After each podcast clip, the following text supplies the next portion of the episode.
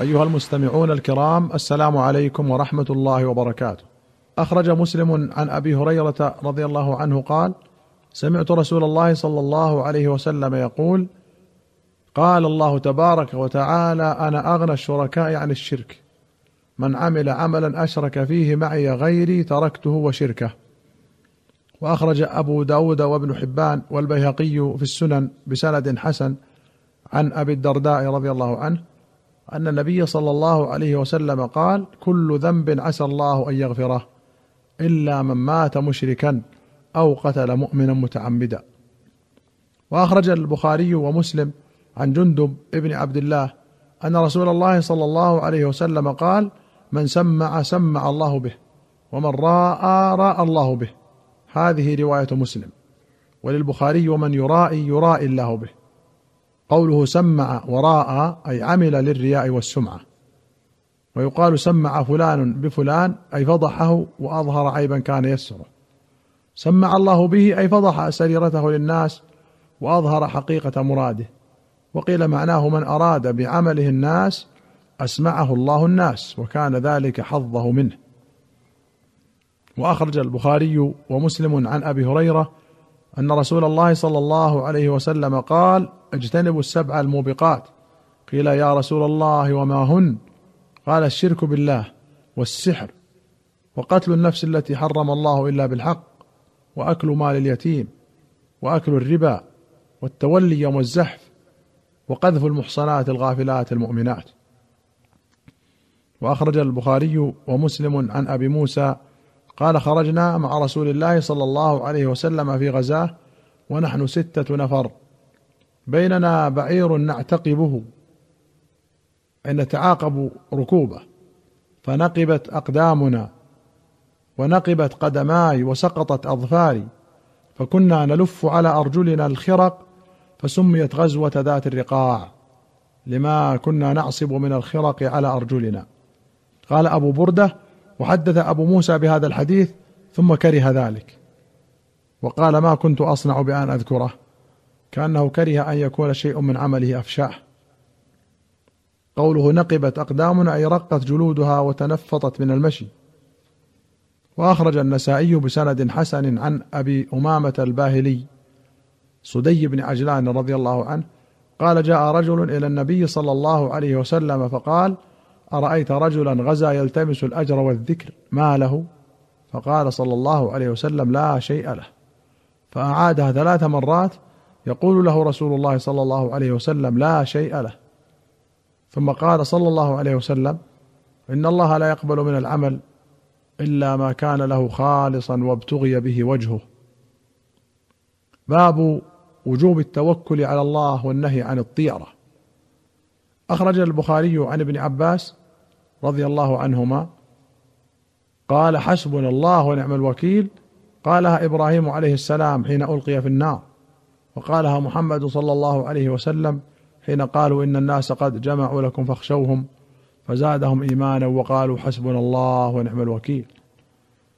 وأخرج أحمد وابن ماجة والترمذي وأبو يعلى وابن حبان والحاكم بسند حسن عن عمر بن الخطاب رضي الله عنه أن رسول الله صلى الله عليه وسلم قال لو أنكم تتوكلون على الله حق توكله لرزقكم كما يرزق الطير. تغدو خماصا وتروح بطانا. تغدو أي تخرج صباحا في الغداء وخماصا أي جياعا وتروح أي ترجع بالعشي في الرواح وبطانا أي شباعا جمع بطين. وأخرج أحمد والترمذي والطبراني في الكبير والحاكم بسند حسن عن ابن عباس قال كنت خلف رسول الله صلى الله عليه وسلم يوما فقال لي يا غلام إني معلمك كلمات. احفظ الله يحفظك. احفظ الله تجده تجاهك. إذا سألت فاسأل الله. وإذا استعنت فاستعن بالله. واعلم أن الأمة لو اجتمعوا على أن ينفعوك بشيء لم ينفعوك إلا بشيء قد كتبه الله لك. ولو اجتمعوا على أن يضروك بشيء لم يضروك إلا بشيء قد كتبه الله عليك. رفعت الأقلام وجفت الصحف. وأخرج البخاري عن ابن عباس قال كان أهل اليمن يحجون فلا يتزودون ويقولون نحن المتوكلون. فإذا قدموا مكة سألوا الناس فأنزل الله عز وجل وتزودوا فإن خير الزاد التقوى. وأخرج أحمد والبخاري في الأدب وابن ماجة وأبو داود والترمذي وأبو يعلى وابن حبان والحاكم والبيهقي في السنن بسند صحيح عن ابن مسعود رضي الله عنه أن رسول الله صلى الله عليه وسلم قال الطيرة شرك الطيرة شرك الطيرة شرك ثلاثا. قال ابن مسعود وما منا إلا ولكن الله يذهبه بالتوكل. الطيرة بفتح الياء وقد تسكن فيقال طيرة هي التشاؤم بالشيء بل هي أعم منه وأقبح. وقوله ما منا إلا يعني وما منا إلا ويعتريه التطير. فحذفه اختصارا واعتمادا على فهم السامع. وأخرج مسلم عن معاوية بن الحكم السلمي قال قلت يا رسول الله ومنا رجال يتطيرون. قال ذاك شيء يجدونه في صدورهم فلا يصدنهم. وفي رواية فلا يصدنكم. قوله يجدونه في صدورهم قال العلماء معناه أن الطيرة شيء تجدونه في نفوسكم ضرورة ولا عتب عليكم فيه. لأنه غير مكتسب فلا تكليف به ولكن لا تمتنعوا بسببه فهذا هو الذي تقدرون عليه فيقع به التكليف. فنهاهم صلى الله عليه وسلم عن العمل بالطيرة والامتناع بسببها. وقد تظاهرت الأحاديث الصحيحة في النهي عنها وهي محمولة على العمل بها لا على ما يوجد في النفس من غير عمل بمقتضاه. قاله النووي رحمه الله وهو مثل ما تقدم عن ابن مسعود. وأخرج البخاري ومسلم عن أبي هريرة قال سمعت رسول الله صلى الله عليه وسلم يقول لا طيرة وخيرها الفأل. قيل يا رسول الله وما الفأل؟ قال الكلمة الصالحة يسمعها أحدكم. ولمسلم أن رسول الله صلى الله عليه وسلم قال لا عدوى ولا هامة ولا طيرة وأحب الفأل الصالح. وأخرج البخاري ومسلم عن أنس أن رسول الله صلى الله عليه وسلم قال لا عدوى ولا طيره ويعجبني الفأل. قالوا وما الفأل؟ قال كلمة طيبة. وفي رواية لا عدوى ولا طيرة وقال ويعجبني الفأل الصالح الكلمة الحسنة الكلمة الطيبة. وأخرج البخاري ومسلم عن ابن عمر قال قال رسول الله صلى الله عليه وسلم لا عدوى ولا طيره والشؤم في ثلاث في المرأة والدار والدابة.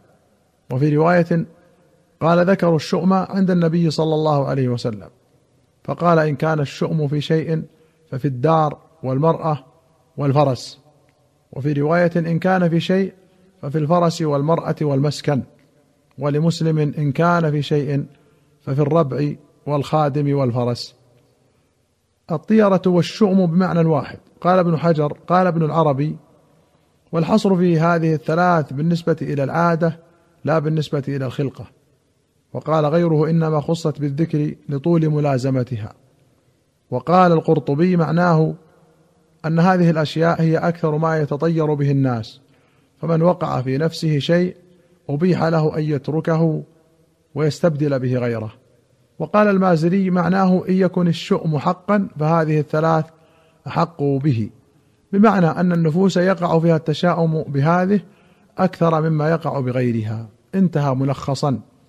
وقال ابن الأثير يعني إن كان ما يكره وتخاف عاقبته ففي هذه الثلاثة. أيها المستمعون الكرام إلى هنا نأتي إلى نهاية هذه الحلقة. حتى نلقاكم في حلقة قادمة بإذن الله. نستودعكم الله. والسلام عليكم ورحمة الله وبركاته.